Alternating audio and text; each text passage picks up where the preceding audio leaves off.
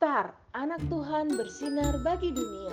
Renungan harian tanggal 4 Juni untuk anak balita sampai dengan kelas 1 SD. Roh Kudus bekerja dari Yohanes 14 ayat 26b. Roh Kudus dialah yang akan mengajarkan segala sesuatu kepadamu. Adik-adik, Bintang terlihat sedang sibuk belajar dan semua buku-buku berserakan. Ada juga yang di lantai. Lalu Mama masuk ke kamar Bintang.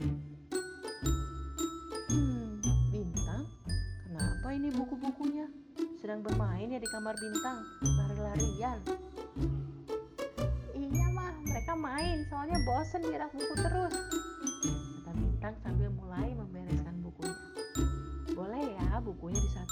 Supaya mereka bertemu lagi sama teman-temannya.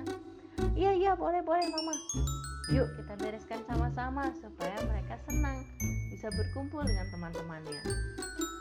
Akhirnya Mama dan Bintang merapikan buku-buku tersebut bersama-sama.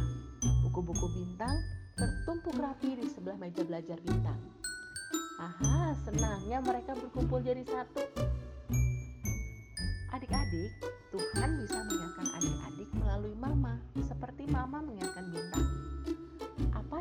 kira-kira tadi pesan Mama ke Bintang menurut adik-adik? Ya, pesan Mama adalah jangan berantakan. Kita harus rajin membereskan kembali barang-barang sesudah selesai kita pakai. Nah, adik-adik, Tuhan juga bisa mengingatkan adik-adik untuk hal-hal lain. Coba ceritakan pada papa dan mama. Apa saja pesan Tuhan yang adik-adik terima melalui papa dan mama?